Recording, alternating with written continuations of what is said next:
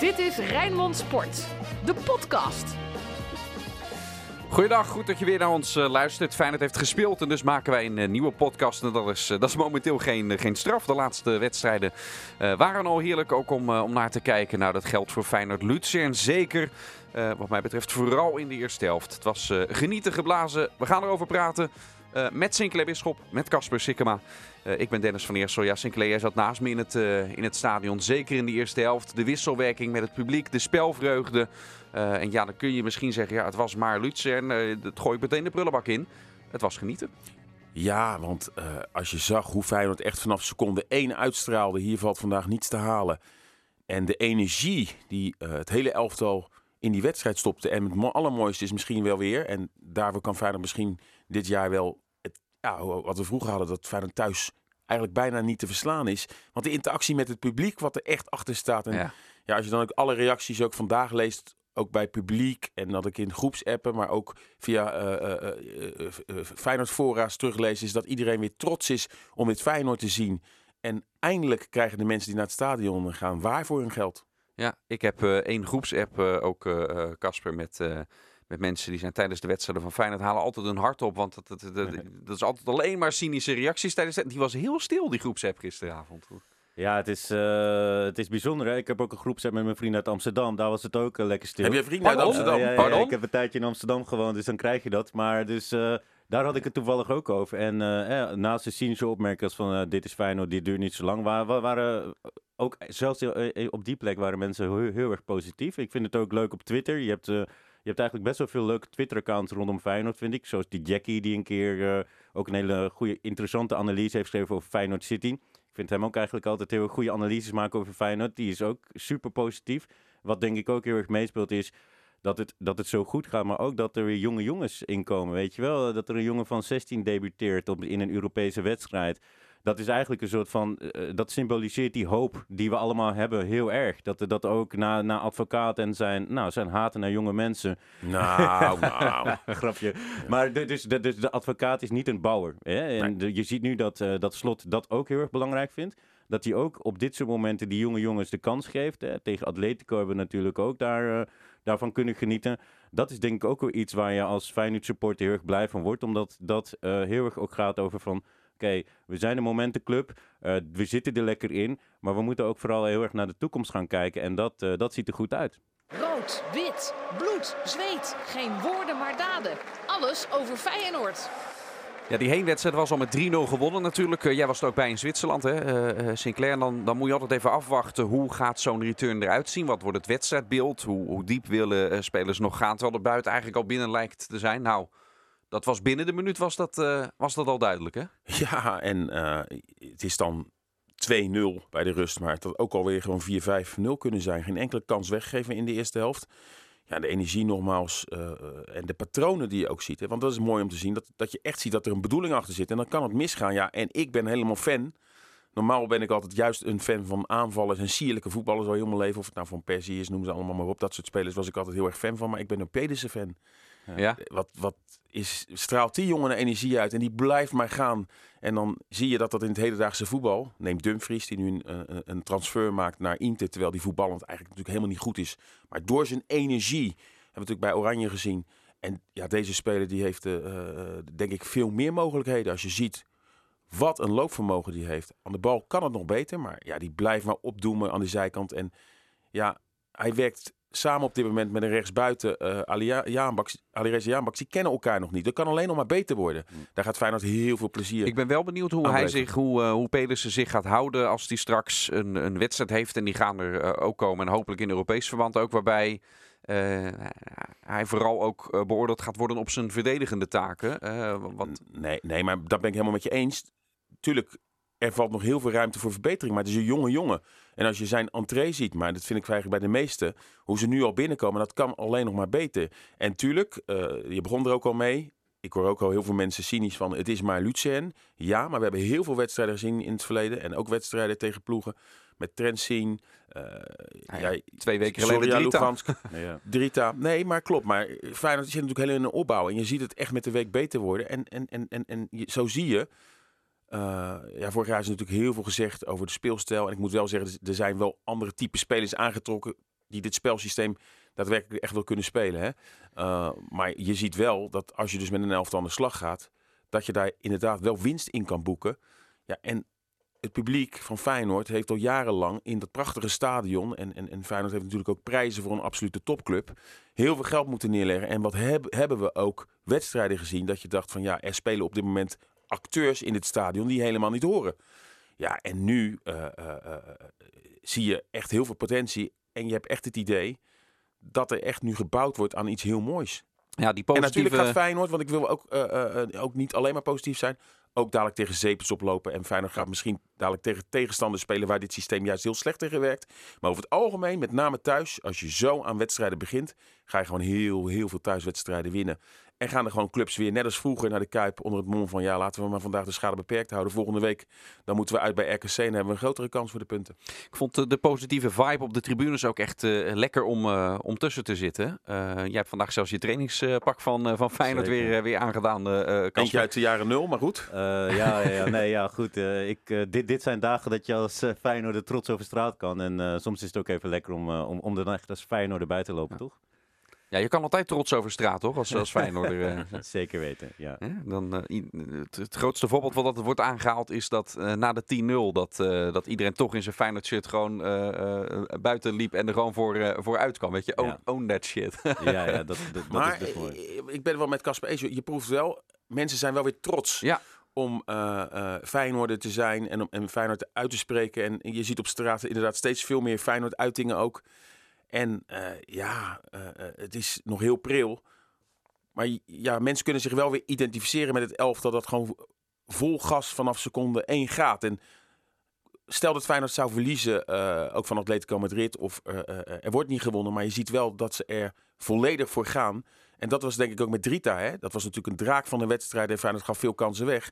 Maar na afloop die ereronde uh, die er was, waar heel veel kritiek op was, had ook mee te maken dat, dat, dat ja, de supporters toen wel zagen. Er zit een bedoeling aan. Oké, het lukt niet en we maken fouten. Het is aanwijsbaar, maar we zien er wel. Uh, we zien wel een elftal dat er volledig voor gaat en waar potentie in zit. Ik denk dat de mensen dat wel tegen Drita in die thuiswedstrijd al zagen. Al was het natuurlijk hè, uh, dramatisch ja. hoeveel kansen er werden weggegeven. Ja, en ik denk dat toen die avond ook een rol speelde. Dat uh, eigenlijk voor het eerst überhaupt mensen in zulke grote getalen weer bij elkaar Tuurlijk, waren. tuurlijk. En dat merkte je, uh, merkte je gisteren ook. De wisselwerking tussen het publiek gewoon onderling. Er werd even, uh, een bal één keer uh, zelfs over de, over de netten heen geschoten door een van die Zwitserse spelers. Mm -hmm. En dan zag je weer het oude spelletje. Dat deden ze twintig jaar terug toen ik op die tribune al, al, was. Die bal wordt niet teruggegeven. Nee, die, die gaat dan van het ene vak naar het andere. En, en Joele uh, heel de tijd erbij. Ook daar genieten mensen nu van. Gewoon van dat samen zijn. Dat dat weer mogelijk is. Zelfs ook bij, ik was uh, bij die wedstrijd tegen Atletico. En uh, kijk, het is natuurlijk super fijn als je wint van Atletico. Want kampioen van Spanje. En het was ook echt een, echt een hele leuke wedstrijd. Maar die oprechte vreugde die je eigenlijk bijna nooit bij een, bij een vriendschappelijke wedstrijd hebt. Omdat het een vriendschappelijke wedstrijd, uh, omdat het een vriendschappelijke wedstrijd is. Die zat er ook daar. Dus het is ook, denk ik. Eigenlijk als je dan zo'n Pedersen ziet, als je een systeem eigenlijk steeds beter ziet vallen, dat uh, naast dat je gewoon blij bent dat, dat, dat, dat, dat je wint, heb je ook gewoon een soort van die, die, dat extra laagje vreugde. Ja. Omdat je weet van oké, okay, dit is niet zomaar een overwinning. Um, dit is, dit is, dit is een, pro een proces of dit is, dit is iets waar we, waar we alleen maar op verder kunnen voortbouwen. En dan vind ik het eigenlijk wel, als ik dan terugdenk aan die wedstrijd tegen Drita. Ik hoorde toen dat jij in je radioverslag het ook hebt over die, eh, dat spelen in die trechter. Wat natuurlijk eigenlijk heel erg typisch Feyenoord was, ook vorig seizoen. Ja. Uh, hoe verklaren jullie dan dat, dat, dat eigenlijk in zo'n korte tijd zo'n grote stap gemaakt lijkt te zijn? Wat is, wat is daar maar, dan het... Maar heel kort, dan gaat Dennis. Uh, dit zijn wel natuurlijk tegenstanders. Met name uh, Lucien, moet wel eerlijk zijn, die spelen, nou naïef wil ik niet zeggen, maar die spelen met heel hoog druk, dus krijgen die ruimte. Atletico Madrid natuurlijk toch een ploeg die net wat meer uh, van het doel toch afspeelt. Al staan ze in Spanje er wel bekend omdat ze ook verdedigend spelen. Maar ja, we, we, kunnen natuurlijk dadelijk krijgen we misschien met Elsborg of een ploeg in de eredivisie die wel echt alleen maar met z'n elf achter die bal. En dan krijgen we misschien een ander verhaal. Ja, dat wou. Dat, hè, wat dat betreft kun je die wedstrijden niet zo goed met elkaar vergelijken. Dus ik wacht nog wel af ook tot de eerstvolgende wedstrijd uh, er komt. Waarbij Feyenoord weer een tegenstander treft die het invult zoals uh, doet. En laten we wel zijn, uh, ook die wedstrijd in, in Kosovo. Daar, mensen waren heel negatief over die wedstrijd. Uh, maar Feyenoord had daar wel, uh, heeft geen kans weggegeven. Had uh, volgens mij 80% van heel de wedstrijd hadden ze de bal. En wat je er volgens mee doet is natuurlijk essentieel. Maar ook toen werden er wel wat kansen gecreëerd. En, en als in minuut 7 die eerste kans, als die erin gaat, dat kan ook straks als Feyenoord thuis speelt tegen Go Ahead en je beloont jezelf meteen met de eerste kans, dan loopt zo'n wedstrijd ook alweer weer anders. Hè? Dus als, als, was die eerste bal er daarin gegaan, dat zei ik toen ook in het verslag. Ja, eh, dat, die, dat gevoel had ik heel die avond in Kosovo. Als die eerste valt, Hmm. gaan er ook meer komen van, eh van Feyenoord. En één, één kritische noot is nog wel, maar eh Feyenoord heeft nog een twee weken. En op het moment dat Feyenoord zich gaat plaatsen voor die groepsfase is er meer mogelijk. Omdat er dan zeker eh, definitief financiën ook binnen eh, vloeien. Maar je proeft wel, en dat zie je gisteren. eh, het is allemaal wel bureaus in de zin van. Je hebt elf basisspelers. Als dat elftal er staat, dan heb je het idee. De, de, de, de staat wat. En, en, en er hoeft maar één radertje weg te vallen. Nou, nu Jahan Baks, dan gaat Linsen naar rechts. En dan gaat Bosnik in de spits. Ja, dan zie je dat aan de rechterkant veel minder doorkomt. Dat Linsen geen rechtsbuiten is. Bosnik heeft ruzie met de bal. Eh, en, en er zijn- er nog wel toonaangevende spelers die weg kunnen vallen. Als Pedersen wegvalt of eh Trauner valt weg. Dan heb je ook al een probleem. En wat erachter zit, eh, ik vind dat gat is nu nog te groot. En het is leuk dat Milambo invalt. Het is leuk dat Hartjes invalt. Maar misschien zegt dat wel ook wat over de situatie. Dat dat soort spelers die eigenlijk natuurlijk nog niet klaar zijn voor het grote werk. Maar wel grote talenten zijn. En nu al zo dicht op zitten. Dus daar is denk ik wel de kritische noot. Het moet allemaal wel heel blijven. Want anders dan, dan scheelt dat gelijk weer 5, 6, 7, 10 procenten op zo'n elftal. Wat, wat, wat ik daarin ook wel interessant vind, is, eh, we hebben het hier ook al vaker over de, de, spitspositie gehad. Hè? Dat, dat eh, Feyenoord natuurlijk eigenlijk ook nog op zoek is naar een spits. Wat ik dan altijd wel grappig vind, is dat bij, bij wat ESPN of zo echt super domme voorstellen worden gedaan over spitsen. Het dieptepunt was eh, dat de, de reservespits van... Dalmau zeker. Ja, Ja, ja, wel. serieus. Als een spits van Feyenoord kan worden. De, gelukkig zijn wij als Feyenoord denk ik verder dan dat. Het zegt wel iets dat mensen dat nog steeds suggereren. Maar, wie, maar eh, weten jullie eigenlijk, want dat vind ik ook zo interessant in Arnissen, dit seizoen, of eh, dat, dat de aankopen heel gericht zijn. Dat, dat, Ja. dat er dus heel duidelijk wordt gekeken van oké, eh, niet naar namen die in de eredivisie eh, eh, het redelijk hebben gedaan en wel gehaald zouden kunnen worden omdat dat makkelijk is. Nou, natuurlijk met Aderese, Jaanbaks en Til. Ja. Die hebben het in de Eredivisie goed gedaan. Kennen slot. En die zijn natuurlijk wel een beetje op die basis binnengekomen. Je wist natuurlijk niet, na toch teleurstelling in het buitenland, hoe die terugkeren. Dus het nuanceert een beetje. Maar wie, eh, weten jullie eh, of er een lijstje is? Weten jullie wie, wie, wie op dat Hmm. lijstje staan? Er zijn, nou ja, kijk, Feyenoord had sowieso heeft eh, eh, twee lijstjes. Eh, eentje voor het geval er inderdaad investeerders in zouden stappen en Feyenoord wat meer kon besteden. En dan was er de lijst waarvan eigenlijk iedereen eh, die op die lijst stond inmiddels wel eh, binnengehaald eh, is. Dat is de lijst met de financiën zoals Feyenoord die nu heeft. En Arnissen eh, die heeft ook gezegd van ja, ik ga er eigenlijk al niet meer van uit dat ik die andere lijst werkelijkheid kan laten worden in dit, dit transferwindow. Omdat die investeerders die niet komen. Nu komt er wel inderdaad, wat Sinclair zegt, komt er wel wat ruimte. Het startgeld van de groepsfase Conference League is 2,9 miljoen. Nu weet je dat wel pas zeker eigenlijk als het al bijna te laat is. En dan moet je heel snel handelen in de laatste twee of drie dagjes die je dan nog over hebt. Nadat die return eh, in Zweden is, eh, is gespeeld. Dus ja, er is een lijst. Nou, jij vraagt naar namen. Eh wij weten dat, dat een van de spitsen waar interesse, echt wel interesse in is, is, is Sporar van Sporting. Eh Sloveense aanvaller eh, is dat. Eh, maar op dit moment is de vraagprijs daar nog te hoog. Maar ik heb daar wel het gevoel bij dat die jongen wel een beetje in een, in een soort, ehm, hoe zou ik het zeggen, Jurgensen situatie zit. Omdat de club waar hij nu zit, eh, die willen eigenlijk ook van hem af. Dus die vraagprijs, ik denk dat daar best nog wel in te onderhandelen is. Dat dat wat omlaag kan richting, richting Feyenoord bedragen. Ehm, en, maar er, er zullen ongetwijfeld nog meer mensen opstaan. Want het grote geheim niet eens zozeer eh, zit hem in Arnissen. Maar gewoon dat Feyenoord überhaupt nu een, een veel beter scoutingapparaat heeft. Ja, en misschien is het veel belangrijker dat je ook niet moet eh, uitsluiten dat er toch nog spelers vertrekken. Want de sneeuwbal in Europa die Ja. begint te rollen. Mhm. Met eh, hè, het geld via Manchester City, al die andere spelers. Nu zie je met eh, Inter dat nu 15 miljoen weer eh, eh, Dumfries haalt. En overal beginnen de transfers nu te komen. Met name in die laatste week gaat er natuurlijk veel gebeuren. Ja, en dan eh, komt er ook weer geld vrij om, zeker als die Feyenoorders de komende weken in beeld komen bij ploegen omdat Feyenoord toch wel indruk maakt, dat er toch ook wel spelers gaan vertrekken. Dus je moet ook wel je hart vasthouden. En dan heb je wel weer geld. En dan heeft Feyenoord een lijstje klaar om dan een vervanger te halen en dus eventueel een spits. Ja. Alleen, Maar je moet ook die speler die dan verkocht is vervangen. Hè. Dat ja, ma- het, maakt nogal, het maakt nogal een verschil of bijvoorbeeld Kuksu nu wordt verkocht. Waarvan eh, op die positie heeft Feyenoord wel al wat in huis. Maar stel je voor dat Senesi verkocht wordt. Ja. eh, dan zou je ook echt een vervanger voor, voor die positie meteen weer, weer terug moeten halen. Ja, kun, kun je als Feyenoord op dit moment eigenlijk tegen die, die pilaren eigenlijk zeggen, die hele belangrijke spelers van jullie, eh, laten we gewoon afspreken, je blijft gewoon een seizoen. Is dit, is dit een moment dat je die zekerheid van de speler maar kan vragen? Feyenoord uh, kan zich niet permitteren als er een bod komt uh, dat echt goed genoeg is om dat te weigeren met de financiële situatie die Feyenoord heeft. En natuurlijk is het, moet je ook sportieve belang afwegen.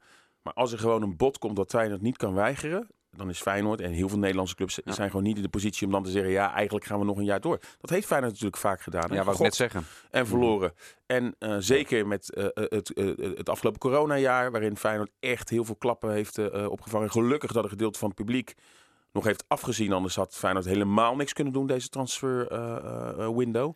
Hè? Want het ging om, om, een bedrag toch van 15 miljoen euro in, in totaal. Nou, als je ziet wat er nu geïnvesteerd is. Dus Feyenoord moet eigenlijk een transfer al doen. Dan kunnen ze echt geen bedrag weigeren wat gewoon uh, uh, conform de marktprijs is. En je hebt ook gewoon met die spelers te maken. Hè, die, uh, als er een mooie club, club komt, natuurlijk wel die stap willen maken. Ja. Hey, hoe denken jullie dat uh, Steven Berghuis gisteren na deze wedstrijd... ik, wil, ik, wil, ik wil hier over het vorige uh, nog even zeggen dat... Uh, ik snap het, de gedachtegang en hoe jij uh, de vraag stelt heel goed. Want het is bij Feyenoord de laatste jaren is het zo geweest van ja, moeten we deze ploeg bij elkaar houden uh, om, om, succes te hebben en niet verkopen. Dat heeft Feyenoord nu een paar jaar gedaan. En eigenlijk betaalt Feyenoord daar ook het, het tol voor natuurlijk. Hè? Want er zijn twee belangrijke speerpunten die echt beter moeten bij Feyenoord. Het gaat heel veel over Feyenoord City, over een nieuw stadion, over wat dat dan op zou brengen. Maar het echte geld bij een voetbalclub wordt natuurlijk verdiend met enerzijds Europese inkomsten. En anderzijds de grootste smak met je transferinkomsten. Dus je kan niet blijven zeggen, elk transferwindow, ja die Senesi is zo belangrijk uh, we willen hem eigenlijk uh, als pilaar, wat jij zegt, willen we overreden om, om hier toch maar weer te blijven. Op een gegeven moment moet Feyenoord die stap maken dat het toch ook vaker en misschien wat sneller hun spelers verkoopt. Want de cijfers die Feyenoord wat dat betreft nu overlegt de laatste jaren, nog minder dan Herenveen qua transferinkomsten over een, een, bepaalde periode. Ja, dat kan natuurlijk niet. Dus je kan niet blijven zeggen eeuwig, we houden de boel maar bij elkaar. Ja, Mits de prijs uh, goed is. Want je moet ook weer niet uitverkoop houden, wat in het verleden ook wel eens voor mijn gevoel is gebeurd. Ja. Nou, ik heb laatst eens een, sommetje uh, gemaakt.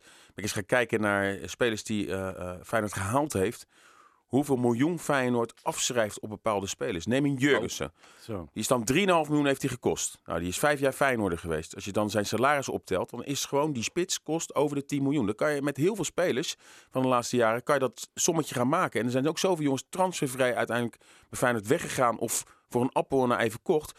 En daar kan je 10 miljoen, daar 12 miljoen. Als je dat allemaal optelt, ga je over de 100 miljoen heen. Als je van de laatste 10 jaar is gewoon even een, van, van, bepaalde spelers die Feyenoord gehaald heeft en hoe ze daadwerkelijk verkocht zijn. Neem ook bijvoorbeeld de Steven Berghuis, hè?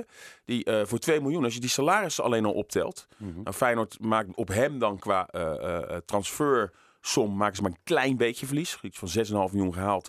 Nou, als alles goed komt, halen ze rond de 6 miljoen terug. Maar gewoon ook die, tel gewoon al die salarissen op, hè, over, op mhm. basis van 4, 5 jaar dat zij spelen. Dus 8 miljoen daar, 10 miljoen. Dus je moet soms gewoon echt een transfer maken dat je dat in ieder geval terughaalt. Haps, die is voor 6 miljoen gehaald. Dus die vorig jaar transfervrij de deur uitloopt. Tel dan ook nog de salarissen voor, van Haps op. En zo moet je ze salaris, moet je, moet je zo even optellen. Ja, dat is natuurlijk slecht beleid. Daarvoor moet je zorgen dat je in ieder geval Haps, in ieder geval voor je aankoopprijs terughaalt. En het mooiste ze zijn nog iets meer, dat je hem eigenlijk, tussen aanhalingstekens, gratis uh, uh, al die jaren uh, bij, bij, je club hebt heb, heb, heb zien voetballen. Wat, wat, wat volgens mij ook het punt onderstreept dat het zo belangrijk is dat je, dat je goede bestuurders hebt. Dus dat je echt professionele mensen daar hebt zitten. En ik heb het gevoel bij Feyenoord dat het best wel uh, eraan heeft geschort. Hè? Als je dan kijkt hoe dat vorig jaar, voor, vorig jaar is gegaan. Uh, maar als je, als je eigenlijk kijkt hoe, hoe, groot het verschil is dat je kan maken als je daar gewoon mensen hebt die goed kunnen onderhandelen. Die gewoon weten hoe de voetbalwereld in elkaar zit. Die eigenlijk ook weten dat uh, uh, dat saldo van Feyenoord, als je kijkt naar transfers, hoe, hoe schrikbarend laag dat is, dat, dat, dat is niet pech of zo. Dat, is, dat, dat, dat moet ook wel wanbeleid zijn. En denken jullie dan, als je kijkt naar de, de huidige bestuurders, dat dat, dat, dat dat op dit moment echt goed, goed zit? Ja, allereerst over, uh, over het verleden. Kijk, je moet het ook altijd afzetten wel tegen het moment dat je het besluit moet nemen. Achteraf is het altijd een heel stuk makkelijker. Neem bijvoorbeeld de inmiddels beruchte uh, Jurgensen-transfer, die er nooit van kwam. Op dat moment in die winterstop eh, stond Feyenoord er nog ehm, redelijk oké voor. Feyenoord had sowieso nog kans eh, om de beker te winnen en zo uh, toen nog directe plek voor Europa League te halen. En anders zou Feyenoord ehm, dat seizoen zonder spits moeten uits, uitspelen. En wat voor signaal je daarmee ook gaf. Dat waren toen ook overwegingen. Er kwam toen een EK aan waarvan Feyenoord hoopte dat Jurgensen het goed zou doen. Dus ze dachten, misschien gaat hij meer opleveren. Nu achteraf bezien uh, uh, kun je zeggen, ja, dat is wanbeleid, is een enorme misspeer. Maar in de wetenschap van toen weet ik ook nog dat er ook heel veel mensen uh, zeiden van ja, het zou ook een heel verkeerd signaal zijn om nu in de winterstop. Die geluiden waren er toen ook al. Hè? Hetzelfde als het halen van Prato, wat nu wordt gezien als wanbeleid. Er waren voldoende mensen die ook in diezelfde winterstop zeiden, ook bij ons aan tafel in FC Rijnmond, heb ik de tal van onze analytici horen zeggen van, er moet echt per se een spits bij. Dat maakt niet uit, het maakt toch ja, niet uit met wie, maar, maar er moet iemand bij. En toen kwam, toen kwam er eentje. En die beviel helemaal niet. En dan wordt er weer het stempel wanbeleid uh, opgezet. Maar Feyenoord zal zeggen dat ze echt altijd die lijstjes klaar hebben. Maar ik heb het idee, uh, zeker club als Feyenoord moet gewoon een lijstje hebben. Jurgensen verkoop je 17 miljoen Newcastle. En diezelfde dag, bij wijze van spreken, moet je gewoon iemand voor minder kunnen halen. Want je hebt gewoon een lijstje met 5, 6 spitsen. Waarvan je gewoon zeker weet dat, uh, dat je die binnen kan harken. Alleen, ja, in het verleden, ik heb nu het idee dat, het is natuurlijk een heel nieuw scoutingsapparaat. Dat er nu wel overal gerichte spelers al klaarstaan in de startblokken van als die weggaat, komt die. En uh, goed voorbeeld is ook nu weer die Noor die deze week is binnenkomen fietsen. Natuurlijk al voorsorterend op, op, op, op, op hè, dat, dat eventueel, hè, Toornstra heeft natuurlijk niet het eeuwige leven. En zo moet je gewoon je lijstjes en, precies op het juiste moment een speler kunnen binnenharken op het moment dat dat ook conform de markt. Nou, hij heeft nog een half jaar contract. Nu kan je die speler goedkoop binnenhalen. En zo moet je. En ik heb wel het idee dat uh, die natuurlijk hè, ook de club heeft moeten kennen, leren kennen. Uiteindelijk nu langzaam maar zeker toch de juiste uh, keuzes gemaakt voor Feyenoord. En zijn belangrijkste keuze is denk ik geweest... Hij heeft de Sportsology heeft hij ingeschakeld. Hè? Die heeft de club doorgelicht. En wat zei dat bureau? Als allereerste, wat moet je doen? Een goede trainer halen. Dus eventjes niet kijken naar alle andere dingen, een goede trainer halen. Nou, dat hebben ze volgens mij met slot gedaan. Wat ik, wat ik daar wel interessant aan vind, is... Ik weet, een van mijn favoriete voetbalpodcasts is de Dik voor elkaar uh, podcast... Maar wat ik daar echt vreselijk aan vind, is dat eeuwige conservatieve gelul, weet je wel. Die Martijn, die, die, die droomt volgens mij elke nacht dat hij een complimentje van Dick krijgt. Maar wat zij dus gelijk deden, is dat ze dat helemaal kapot gingen maken. Hè. Dan moeten de Amerikanen, die moeten Feyenoord gaan doorlichten. En uh, het besef dat, dat, uh, dat Feyenoord een professionele club is, waar gewoon professionele wetten zijn. En dat het dus heel erg belangrijk is, is dat je een organisatie goed inricht. En dat je dus ook, als we al jaren klagen over beleid en als we al zeggen het gaat niet goed, dat je daar gewoon eens uh, op een goede manier naar gaat kijken. En ik ben eigenlijk heel erg blij dat dat, dat is gebeurd. En ik hoop ook heel erg dat we die, die vruchten daarvan gaan plukken. En dat we dan misschien ook een beetje die cultuur, hè, waar, waar, waar dat dan vaak over gaat, van we moeten blijven zoals we waren en Feyenoord zal altijd hetzelfde blijven, dat we dat eens een keer kunnen doorbreken. Want dat is echt, vind ik, een, een, een ongelooflijke storend, storend idee over een club. Dat, dat het altijd blijft uh, zoals, uh, zoals het was toen, toen, toen John de Wolf nog lang haar had.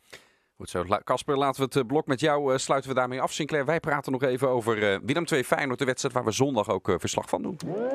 FC Rijnmond, archief. Ja, want Casper is toch een beetje zo'n successupporter die, niet, die, die natuurlijk niet al jaren... oh, hij was, hij was nog niet helemaal weg. Uh, herinneringen aan uh, Willem II Feyenoord. De wedstrijd van komende zondag waarmee de Eredivisie uh, start. Wat, wat is het eerste wat bij je te binnen schiet? Kampioenschap in 1984 toen Feyenoord daar kampioen werd. Hè? Dikke overwinning 0-5. Houtman scorend, Kruif scorend, uh, alle supporters. Ja, die beelden zijn berucht. Ja, die ja. iedere keer uh, al het veld in wilden en er moest nog gevoetbald worden. En volgens mij had Peter Houtman ging in zijn slipje de kleedkamer in. maar we hebben meerdere mooie wedstrijden gehad. Hè. Het hakje van Jurgensen na een voorzet van Bilal Bassistikoglu. We hebben vorig jaar een mooie overwinning gehad van Feyenoord. Eerste goal Linse 1-4, waarbij uh, Van Hooijdonk, de legendarische woorden, een dag ja. daarna een FC Rijnmond sprak van dit Feyenoord is vele malen verder dan Ajax. Ja, Feyenoord was koploper toen nog even, na speelronde 4. Maar nee, Willem II Feyenoord, altijd wel fijne herinneringen aan. Wat uh, uh, wel bijzonder is, jarenlang was het uh, FC Utrecht. Wat zo'n zo'n bijzondere statistiek was dat Feyenoord daar zo lang niet had, niet had verloren. Hè, tot die wedstrijd vlak na de, de tramaanslag een aantal jaar geleden. Toen verloor Feyenoord weer een keer in, in Utrecht. Maar daarvoor echt na dik tien jaar niet het geval. Inmiddels is Willem II uit. Een van de wedstrijden waar Feyenoord al heel lang in ieder geval niet meer verloren heeft. In 2008 voor het, voor het laatst. Terwijl...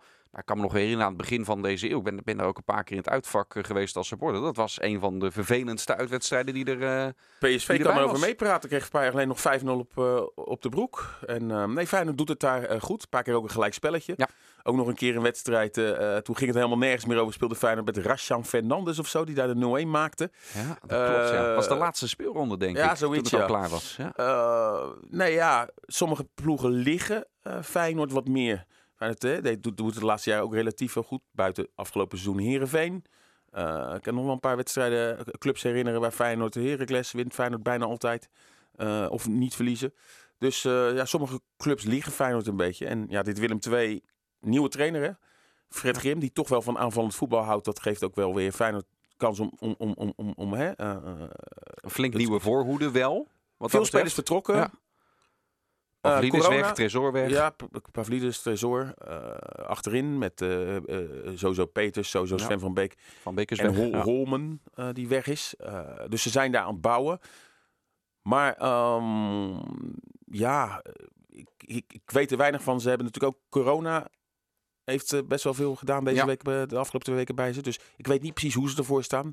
Dus ja, normaal gesproken zou Feyenoord daar toch wel eh, moeten winnen. Hè? Die eerste openingswedstrijd in een toch op papier eh, lastige uitwedstrijd. Zondag, kwart voor vijf, live op Radio Rijnmond natuurlijk doen wij het verslag van Willem II tegen Feyenoord. Voorafgaand, we hebben sowieso een mooie voetbalzondag op Rijnmond om half drie. Eh, kun je ook eh, Utrecht tegen eh, Sparta natuurlijk volgen.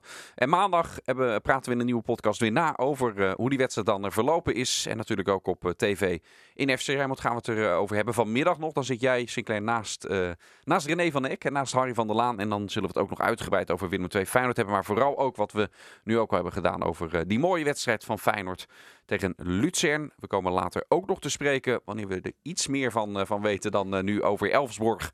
Eh, wat de kracht is dan van, van dat team en wat we daarvan kunnen verwachten. Dat later. Hou ons in de gaten. Tot snel. Dit was Rijnmond Sport, de podcast. Meer sportnieuws op Rijnmond.nl en de Rijnmond app.